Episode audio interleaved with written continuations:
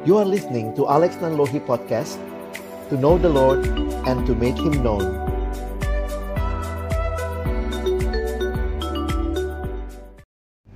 Mari sebelum membaca merenungkan firman Tuhan kita berdoa.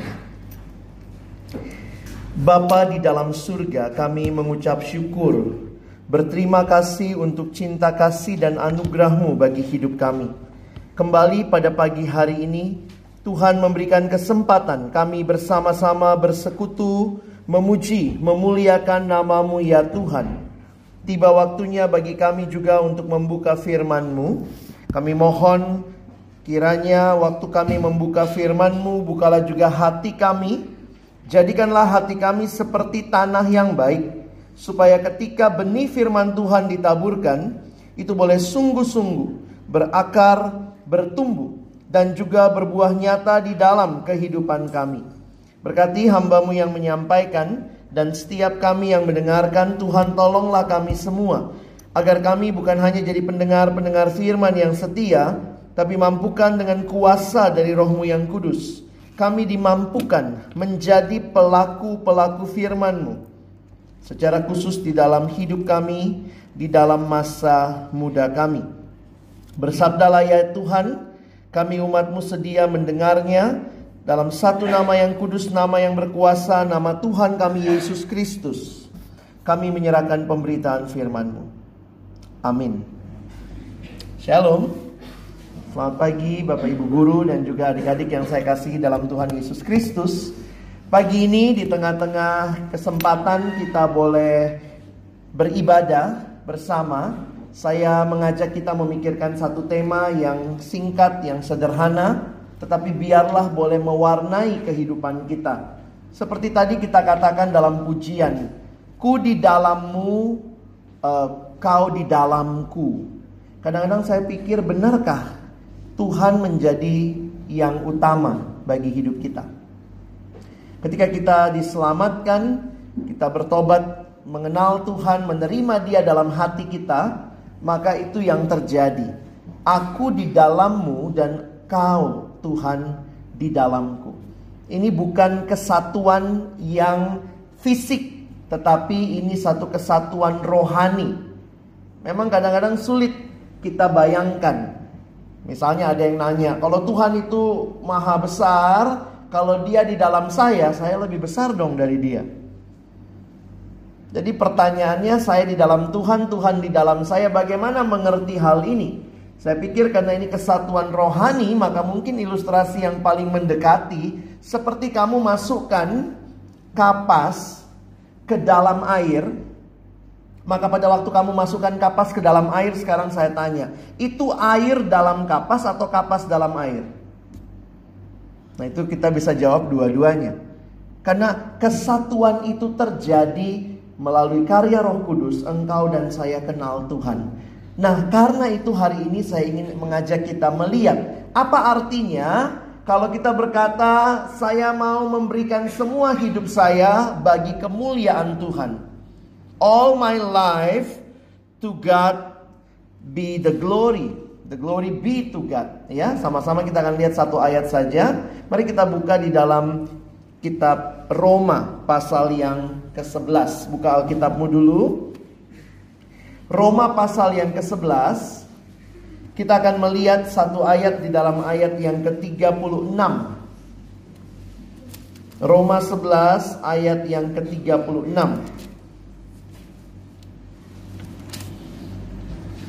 Mari kita baca ayat ini bersama-sama. Satu, dua, iya.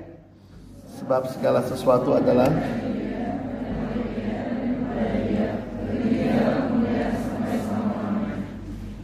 Teman-teman yang dikasihi Tuhan perhatikan ini muncul di bagian tengah kira-kira kitab Roma. Jadi kalau kita perhatikan Paulus sebenarnya sudah menulis begitu dalam, begitu panjang tentang Allah dengan segala hal yang dia lakukan dan perhatikan di tengah-tengahnya Paulus berhenti sejenak menaikkan pujian kepada Allah. Ini yang namanya doksologi. Saya pikir Paulus yang begitu luar biasa tulisannya dipakai Tuhan, dia menuliskan kekristenan kepada jemaat di Roma tetapi ketika sampai di ayat 33 misalnya, coba lihat di Alkitabmu ayat 33, tiba-tiba Paulus kayak berhenti sejenak lalu ngomong, "Oh, alangkah dalamnya kekayaan, hikmat dan pengetahuan Allah. Sungguh tidak terselami, terselidiki keputusan-keputusannya dan sungguh tak terselami jalan-jalannya." Jadi kalau kalian perhatikan dalam hidup, saya pikir kita perlu punya momen-momen doksologi. Berhenti sejenak memuji Allah. Hidup begitu cepat dan dalam hidup yang begitu cepat kadang-kadang kita lupa. Apa yang kita lupa? Saya pikir salah satu ayat yang paling menyimpulkan siapa manusia dan siapa Allah, saya pikir adalah ayat yang kita baca tadi. Perhatikan istilah yang digunakan. Sebab segala sesuatu adalah dari dia. Ya, kalau teman-teman perhatikan dari dia berarti dia sumber segala-galanya. Dari dia, oleh dia. Jadi sebenarnya terjemahan yang lain bisa digunakan kata ditopang oleh dia. Segala-galanya dari Allah, ditopang oleh Allah dan tujuannya kepada Allah. Makanya tadi Kak Alex bilang ini satu ayat yang paling menggambarkan hakikat hidup kita. Kalau dikatakan kita diciptakan oleh Allah, sekarang aku di dalammu dan kau di dalamku, harusnya bagaimana hidup kita? Banyak orang dalam hidup mungkin karena sangat rutin Termasuk kebaktian. Kita kalau kebaktian rutin gitu ya. Kalau kalian orang Kristen hari Minggu ibadah di sekolah juga setiap minggu mungkin ibadah. Tapi pertanyaannya sudahkah itu memaknai atau mewarnai hidup kita? Bahwa kehadiran Allah dialah segala-galanya. Dari dia, oleh dia, dan kepada dia. Saya pikir gampang diingat ya. Bahasa Inggris juga sama menggunakan kata for from him and through him and to him. Ini gampang diingat ya. Kalau mau dibagi dua, eh bagi tiga ya. Past itu everything is from him. The present through him ditopang oleh dia. Tidak ada satupun kita bisa eksis sekarang tanpa ditopang oleh dia. Dan to the future past, present, and also future is to God. Jadi kalau kita lihat yang for from Him and through Him and to Him, all things to Him be the glory forever. Amen. Kalau terjemahan Indonesia dia mulai sebab segala sesuatunya dulu. Terjemahan bahasa Inggris segalanya atau kita boleh katakan for from him and through him and to him. Waktu Kak Alex masih kuliah, ada satu pembicara ngajarin lagu dari sini ya. Lagunya sederhana. For from him and through him and to him all things to God be the glory forever. Amen. For from him and through him and to him all things To God be the glory forever. Amen. Dari dia, oleh dia, kepada dia. Apa pun pergumulan hidupmu, mari bingkai itu di dalam pemahaman ini. Kadang-kadang dalam hidup kita kehilangan semangat, tantangan begitu besar, begitu luar biasa, tapi mari coba bingkai hidup kita dalam pemahaman ini. Kalex mau jelaskan sedikit satu persatu secara detail untuk kita pahami dan kita refleksikan dalam hidup kita. Saya mulai dengan kata dari dia. Apa maksudnya segala-galanya itu dari dia? Berarti dia sumber. Ingat, tidak ada satupun yang kita miliki adalah benar-benar milik kita. Alkitab menggunakan istilah we are not the owner. Kita bukan pemilik. Kita cuma pengelola. Karena itu sekarang terkenal sekali istilah stewardship. Kita bukan pemilik. Kita cuma pengelola. Kadang-kadang kenapa kita sulit memahami ketika manusia jatuh dalam dosa, manusia merasa dirinya lah Allah. Sementara jangan lupa kalau bicara Allah dia pemilik. Manusia cuma pengelola. Ya, Koko kasih contoh begini. Kalau saya cipta benda ini, ini pointer ya. Kalau saya cipta benda ini, waktu saya pertama kali cipta benda ini, benda ini punyanya siapa? Punya yang mencipta. Ketika Alkitab mulai dengan berkata manusia diciptakan oleh Allah, maka berarti manusia adalah miliknya Allah. Manusia dari awal bukan makhluk yang independen. Nggak bisa kita hidup independen. Kita adalah makhluk yang dependent to God karena kita diciptakan oleh Dia. Jadi saya ingat kita belajar untuk mengerti dan memahami realita ini. Kadang-kadang sering kali dalam hidup kita pikir kita pencipta. Itulah jatuhnya manusia dalam dosa. Manusia mau jadi Allah. Kadang-kadang lucu ya ngelihat manusia menyombongkan apa yang jadi miliknya Tuhan. Ada yang ngekos nggak di sini? Nggak kelihatannya malah bukan. Saya mah nggak ngekos kos, saya malah punya kos kosan gitu. Tapi coba koko tanya begini, kalau orang ngekos itu biasanya ngekosnya berapa kamar? Ya paling satu kali ya, kalau misalnya orang ngekos ya bayar bulanan gitu ya, ngekos satu kamar. Bayangkan kalau orang ngekos satu kamar, bisa nggak kamu bayangkan tiba-tiba satu malam misalnya dia keluar, anak kos ini keluar dari kamarnya, Lalu kemudian dia kasih pengumuman. Biar agak seru bayangkannya jam 12 malam. Dia keluar dari kamarnya lalu kemudian mengatakan kalimat begini. Hai semua penghuni kos. Yuk orang pada keluar ada panah ada panik. Keluar semua. Sudah kumpul semua. Ini jam 12 malam kok teriak-teriak. Malam ini saya cuma mau ngasih satu pengumuman. Apa itu? Mulai malam ini. Kosan ini punya saya. pasti sekelilingnya bilang dia grogol deket rumah sakit jiwa. Eh, udah ngomong begitu karena teriak-teriak malam-malam ibu kos datang. Ada apa nak? Kok teriak-teriak? Tante pemilik kos. Saya cuma mau kasih pengumuman. Saya baru kasih pengumuman tante kira-kira dua menit yang lalu. Apa itu? Tante mulai malam ini kosan ini punya saya. Pasti juga ibu kos bilang kamu dan puncak kegilaanmu malam itu. Bayangkan. Makanya bayangkan jangan dilakukan ya. Kau bilang mulai malam ini tante pemilik kos keluar dari sini. Logis nggak ceritanya? Enggak ya? Tapi bukankah itu yang terjadi waktu manusia jatuh dalam dosa? Ini semua milik Allah. Manusia bilang apa? Ini semua punya saya. Tuhan dari surga, gila. Teman-temanku, kalau kamu pintar, orang tuamu cukup mampu, kamu cantik, kamu ganteng, kamu punya segala hal, jangan sombong. Itu kayak orang nyombongin gitu ya. Ini semua punya saya. Ibu kosnya ketawa. Numpang aja sombong. Dan lebih gilanya manusia bilang apa? Tuhan, keluar dari hidupku. Ketika engkau tidak serius dengan Tuhan. Saya bukan nakut-nakutin, tapi saya cuma mau menyatakan begitu banyak orang tidak serius cari Tuhan. Tidak serius mau kenal Tuhan. Padahal dia sumber segala-galanya. Jangan sombong.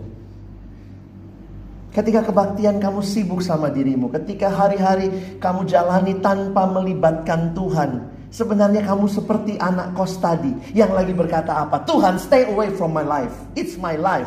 Aku sealiran Bon Jovi. Tuhan nama siapa? It's my life. Bon Jovi lagunya kan gitu. It's my life. Bodoh amat yang lain. Ini hidup gua. Loh, tidak bisa. Ini bukan hidupmu. Ini hidup yang Tuhan pinjamkan sama kamu. Bisa dipahami? This is not your life. It's a life that God has given to you. Karena itu remaja di Amerika sampai pakai gelang itu ya. WWJD ngingetin mereka this is not your life ini hidup yang Tuhan pinjamkan what would Jesus do WWJD mereka selalu diingatkan kalau misalnya ada teman ngajak nyontek ini bukan hidup saya ini hidup Yesus kalau Yesus diajak nyontek kira-kira nyontek nggak ya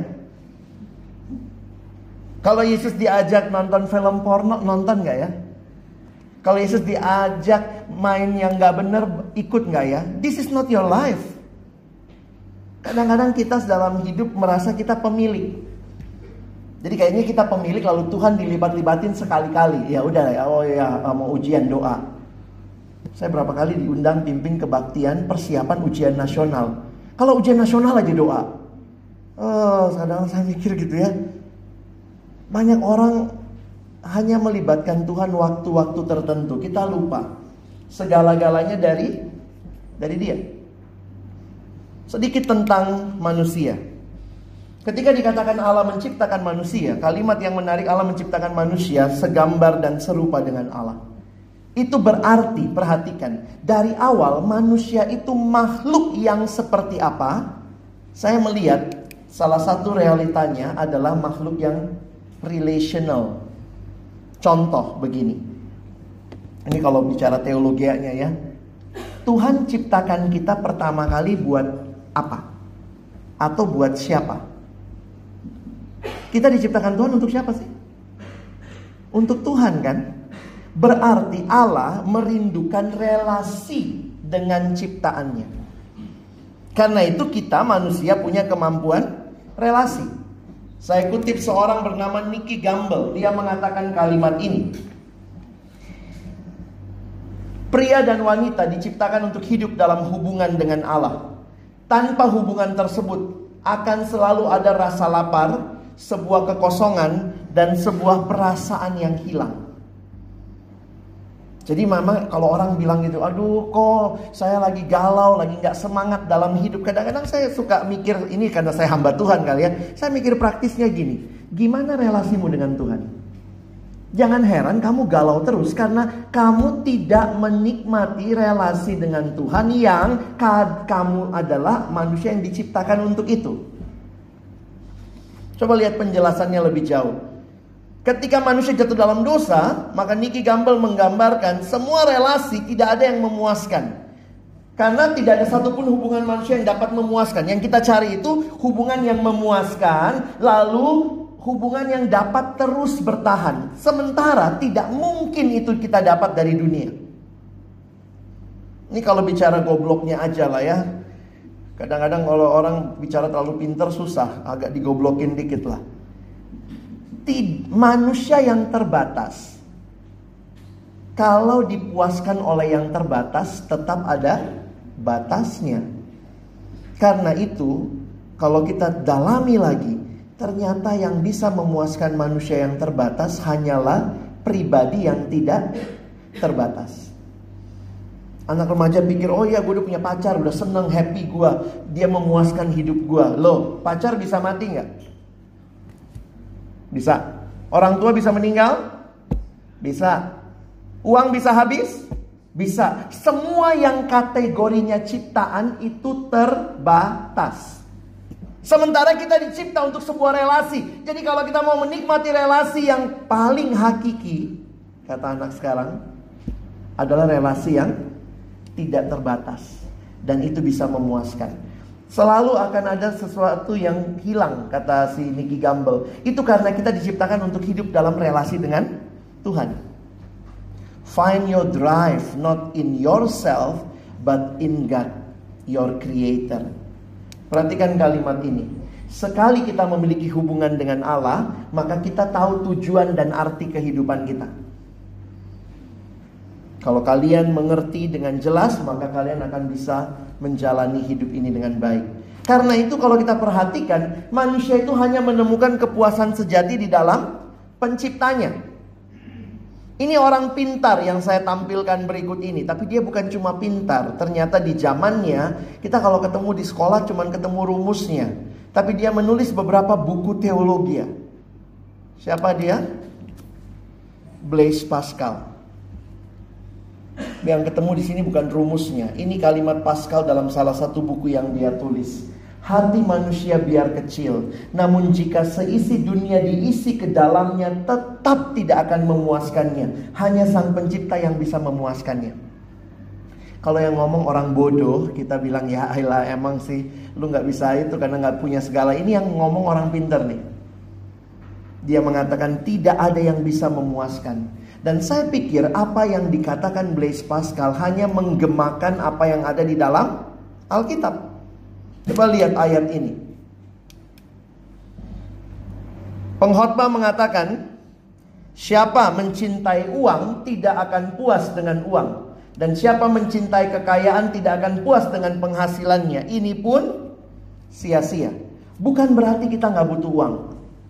Tapi ketika hidup kita hanya mengejar uang, ada yang nanya gitu ya, saya bilang kamu apa tujuannya hidup? Ya pokoknya bisa cari uang lah. Saya bilang ya kalau nanti kamu udah bisa cari uang, udah dapat uangnya mati aja karena udah nggak ada lagi tujuanmu. Mau ngapain lagi? Udah sampai kan? Udah dapat. Saya nanti pokoknya mau kaya kok. Kaya nanti punya rumah begini-begini. Sesudah itu mati. Is that all? Kadang-kadang drive hidup harus kita tanyakan lagi. Kita hidup untuk apa? If you are just living for something that very limited, then when you reach the limit, then you have nothing to do more. Kalau kamu cuma hidup untuk sebuah batasan, saya mau sampai sini, dan itu batasan yang sudah tercapai, selesai. Tapi kalau kamu hidup bagi Tuhan, kamu akan tahu, kalaupun saya dapat uang yang banyak, maka saya akan pakai uang itu untuk membangun kerajaan Allah, membangun hidup orang lain, sehingga kita tidak punya sekedar batas sampai kepada saya mau apa. Karena itu kesimpulan saya. Kepuasan sejati tidak akan pernah kita dapatkan dari ciptaan, entah itu seseorang, entah itu sesuatu. Tapi kepuasan sejati hanya dari pencipta. Yang bisa memuaskan bukan yang horizontal. Yang horizontal itu wilayah ciptaan. Yang bisa memuaskan hanya dia, Allah kita. Nah, jadi perhatikan bagian pertama ini ya. Ingat baik-baik, kamu makhluk yang independen. Your drive is not from yourself, but from God, your creator. Ada satu kalimat yang bagus yang saya renungkan belakangan ini. Kalau misalnya laptopmu rusak, maka kamu bawa ke tukang laptop. Kalau bisa yang sama mereknya, kalau masih ada garansi bawa ke dia. Kalau yang rusak jammu, jam tanganmu bawa ke tukang reparasi jam. Lalu dia mengatakan, kalau yang rusak hatimu, hai manusia berdosa, bawalah kepada dia yang menciptakan engkau. Jangan bawa sama yang lain. Oleh dia. Segala sesuatu ditopang oleh dia. Kadang-kadang kita suka lupa bahwa kita pikir segala sesuatu itu ditopang oleh kita. Makanya kalimat dalam Yeremia mengatakan demikian. Janganlah orang bijaksana bermegah karena kebijaksanaannya, janganlah orang kuat bermegah karena kekuatannya, janganlah orang kaya bermegah karena kekayaannya. Ini semua sekali lagi tidak mengatakan tidak boleh kuat, tidak boleh kaya, tidak boleh bijaksana. Saya pikir tiga hal ini yang sebenarnya orang muda biasanya cari ya. Mau apa nanti? Oh, ada yang pokoknya mimpinya S2, S3 hikmat ke apa kebijaksanaan. Ada yang mimpinya mau kuat, makanya nge-gym terus, nge-gym. Pokoknya mau nanti gue bisa lari keliling berapa puluh kali, gue bisa RPM berapa kali. Ada lagi yang mimpinya kaya. Kalau digabung semua, ini mimpi manusia, khususnya orang muda, tapi terbatas. Kadang-kadang kita pikir saya hidup karena uang. No, Uang itu cuma alat. Kita hidup karena Tuhan. Find your drive. Karena itu kalimatnya siapa yang mau bermegah, baiklah bermegah karena yang berikut bahwa ia memahami dan mengenal aku. Jangan sombong ya, jangan jadi orang yang lupa Tuhan. Tapi ketika engkau dalam hidup, ingat baik-baik. Teman saya kasih filosofi ikan teri, lucu juga ya. Dia bilang, lu ngerti gak Lex filosofi ikan teri? Sebenarnya teri itu sampai ke meja kita itu perjalanannya panjang. Bukan cuma karena lu punya duit ke pasar beli ikan teri. Tapi kalau ikan teri sampai ke meja kita itu berarti Tuhan pelihara terinya dulu di laut. Kalau Tuhan pelihara terinya berarti Tuhan pelihara papa mama teri. Itu dulu kan? Papa mama teri dipelihara sama Tuhan, lalu ada anaknya. Anaknya teri, udah teri kecil lagi gitu ya. Berarti Tuhan pelihara papa mama teri. Bukan cuma itu, Tuhan pelihara siapa lagi? Ada nelayan. Nelayan itu yang tangkap teri itu. Berarti Tuhan pelihara nelayan itu dan juga papa mamanya. Dia tangkapnya pakai jala. Tuhan berarti pelihara yang membuat jala dan papa mamanya. Terus ada yang pakai perahu, berarti Tuhan pelihara yang buat perahu dan papa mamanya. Ini kalau terusin gitu ya. Sampai di pinggir pantai dijual ke distributor, Tuhan pelihara distributor itu dan papa mamanya. Belum lagi dia naik mobil, teri naik mobil dari pinggir laut sampai ke pasar. Ke distributor. Tuhan pelihara pembuat mobil dan papa mamanya. Mobil terdiri dari ban. Tuhan itu Tuhan pelihara pembuat ban dan papa mamanya. Belum lagi bautnya. Satu ban empat baut. Baut pertama Tuhan pelihara. Ini kalau kita mau terusin bisa tua kita. Terus begitu sampai terinya di meja kita, kita bilang apa? Ya teri doang. Doa pun enggak kadang-kadang. Ada yang saya bilang, lu kok nggak doa? Ya di bawah 5 ribu kak harganya. Kalau di atas 5 ribu doa. Kadang-kadang kita berpikir, wow it's my life. Kita pikir yang menopang hidup itu uang. Betul kita butuh uang, tapi ingat. Itu cara Tuhan mema memelihara. Ada yang makan nasi, eh, ada yang makan teri doang? Enggak ya? Pakai nasi kan? Mau kita telusuri nasi ya. Tuhan pelihara petani dan papa mamanya. Kalau kita telusurin panjang teman-teman, kita akan jadi sadar. Hidup ini sebenarnya ditopang oleh Tuhan. Kamu bisa sekolah ditopang oleh Tuhan. Karena itu kalau punya pergumulan mungkin di keluarga, di pendidikanmu, mari belajar untuk mengandalkan Tuhan. Bukan cuma dari dia, Bukan cuma sekarang ditopang oleh dia. Alkitab mengatakan semuanya kepada dia. Jadi kalau kamu mau tahu apa sih tujuan hidupku kok, gue mesti ngapain hidup ke depan, it's all for him. Saya kutip ini ya. Amsal 23, 17 dan 18. Kalimatnya menarik. Janganlah hatimu iri kepada orang-orang yang berdosa, tetapi takutlah akan Tuhan senantiasa karena masa depan sungguh ada dan harapanmu tidak akan hilang. Saya pikir salah satu pergumulan remaja juga, anak siswa adalah pergumulan masa depan. Karena itulah kalian sekolah, kalian bergumul begitu rupa, tapi ingatlah baik-baik, your future is in God's hand. Itu ada dalam tangannya Tuhan. Maka ingatlah, berikan seluruh hidupmu bukan bagi kemuliaanmu. Kadang-kadang mesti mikir begini, kalau saya mau jadi dokter, pertanyaan utamanya bukan itu tujuan hidup saya. Tujuan hidup saya memuliakan Tuhan, sehingga pertanyaannya, kalau saya jadi dokter, bagaimana saya memuliakan Tuhan dengan profesi sebagai dokter? It's all for him, not it's all for me. Itulah kecenderungan manusia berdosa. Semuanya untuk saya. Ingat masa depanmu sungguh ada dan harapanmu tidak akan hilang. Karena itu satu ilustrasi yang menggambarkan bagaimana kita harus hidup. Saya pinjam ilustrasi ini. Ini namanya ilustrasi roda. Ini dibuat oleh seorang bernama Dawson Trotman. Dia mengambil ilustrasi dari sebuah roda. Kalau kalian lihat roda, yang muter itu sebenarnya apanya? Roda itu yang muter porosnya sumbunya. Sehingga dia mengatakan begini, seperti sebuah roda, maka di pusat hidup yang menggerakkan kita harusnya ada Kristus. Dia ada di pusat hidup kita. Lalu dia menggambarkan dua macam jari-jari. Satu jari-jari yang vertikal hubungan dengan Allah, satu jari-jari yang horizontal hubungan dengan sesama. Maka kita bangun itu dalam hidup kita. Saya bicara sama Tuhan namanya doa. Tuhan bicara kepada saya melalui firman. Makanya dari sekolah minggu, kalau kalian pergi sekolah minggu udah diajarin bagaimana bertumbuh adik-adik. Baca kitab suci, doa tiap hari kalau mau tumbuh. Oh jangan-jangan lagu kita berganti. Tidak baca kitab suci, tidak doa tiap hari, tidak bertumbuh. Loh ini kayaknya sederhana ya. Tapi saya cuma mau ingatkan ke depan. Jangan cuma punya ilmu yang banyak. Sekolah bisa berikan ilmu yang banyak. Tapi relasi dengan Tuhan kamu harus bangun. Itu drive utama hidupmu. Dengan sesama dia bagi dua. Kalau kalian orang percaya dengan sesama orang percaya, kita harus rajin bersekutu. Ke dalam kita bersekutu, keluar kita bersaksi. Makanya saya pikir lagunya harus ditambah ya. Baca kitab suci, doa tiap hari, rajin bersekutu dan giat bersaksi. Biar dapat semua nih. Ya. Ilustrasi ini menggambarkan apa yang harusnya ada dalam hidup setiap kita.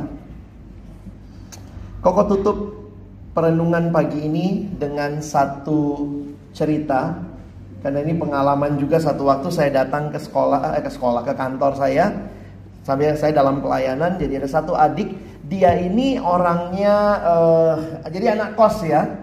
Dia kerja di tempat saya pelayanan. Lalu uh, dia ngekos dan mungkin karena di kosan takut sepi kali ya ya biasalah. Di kosan pelihara ikan mas. Jadi di kosannya dia dia pelihara ikan mas.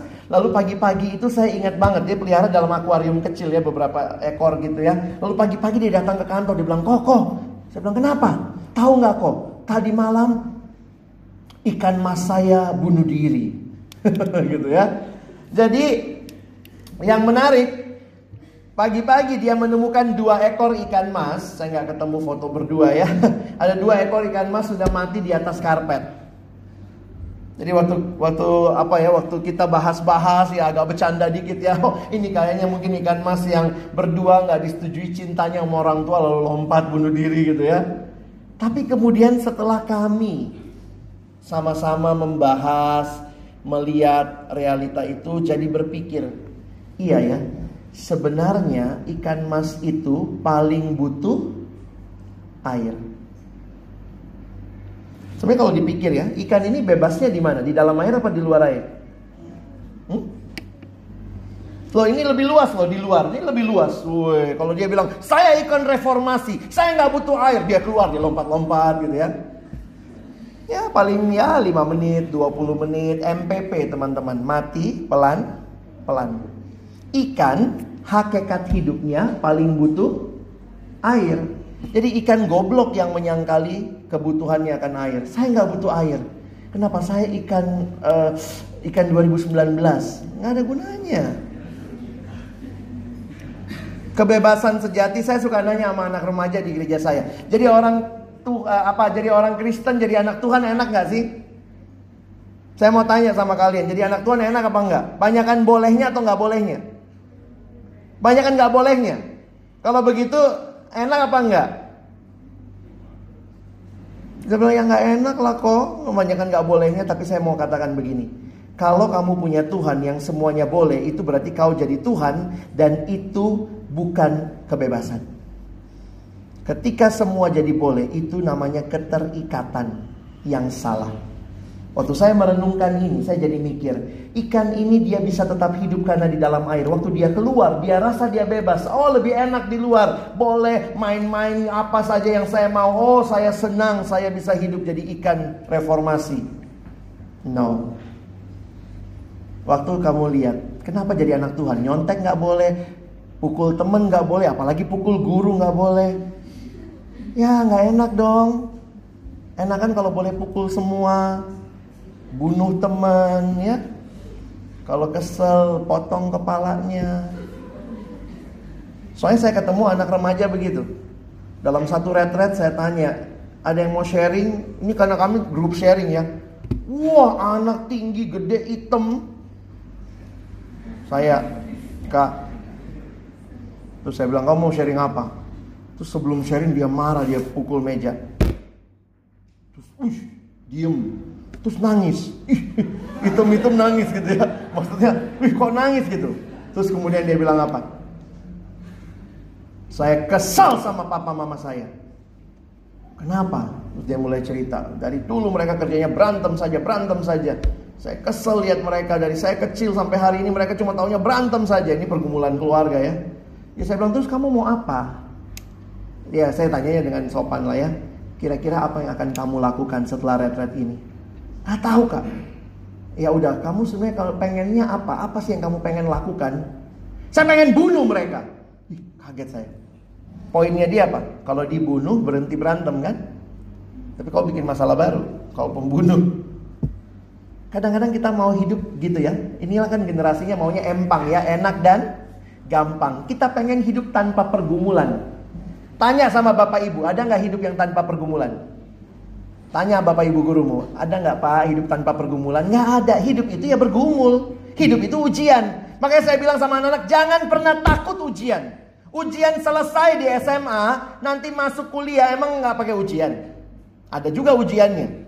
Nanti lulus kuliah, ada ujian. Ada lagi ujian cari kerja ke mana-mana. Habis itu ada ujian menikah, punya anak, tanya bapak ibu gurumu juga. Mereka tiap hari juga masih ada ujian. Ujiannya apa? Nggak pakai kertas tulis, tapi dalam hidup sehari-hari ini ujian. Pertanyaannya dalam ujian-ujian hidup itu, apa yang kita pegang? Apakah kita berkata, ya Tuhan, saya mau pegang firman-Mu. Sehingga ingat kalimat ini ya, Yesus berkata, saya terus renungkan. Sebab di luar aku kamu tidak dapat berbuat apa-apa. Saya harap hari ini dengan perenungan ini kita jadi terus menyadari segala sesuatu dari Dia ditopang oleh Dia dan bagi Dia. Kalau kamu punya pergumulan hidup, terus tempatkan Tuhan tolong saya, bukan hidup tanpa pergumulan, tetapi di dalam pergumulan hidup aku tetap berpegang padamu. Tuhan ada pergumulan di studiku, Tolong saya Tuhan. Bukan hidup tanpa pergumulan, itu hidup yang kayak tadi ya, Koko bilang empang, enak dan gampang. Habis anak remaja sekarang begitu sih prinsipnya kalau belajar pakai prinsip ekonomi. Belajar sesedikit-sedikitnya nilai setinggi-tingginya. Gimana cara? Tuhan juga kalau saya jadi Tuhan juga bingung nolong kamu. Tuhan tolong saya nilainya tinggi tapi nggak belajar. Gimana caranya? Tuhan butakanlah mata bapak ibu guru waktu meriksa. Itu lebih gila lagi udah mendoakan kutukan kepada orang lain. Dan itu dibawa ke kerohanian. Ada juga yang nanya sama saya, gimana ya kok cara ngerti Alkitab tapi jarang dibuka? Hah? Oh mau pakai gaya lama kok ya. Misalnya kita rebus kok kita minum airnya. Nggak bisa.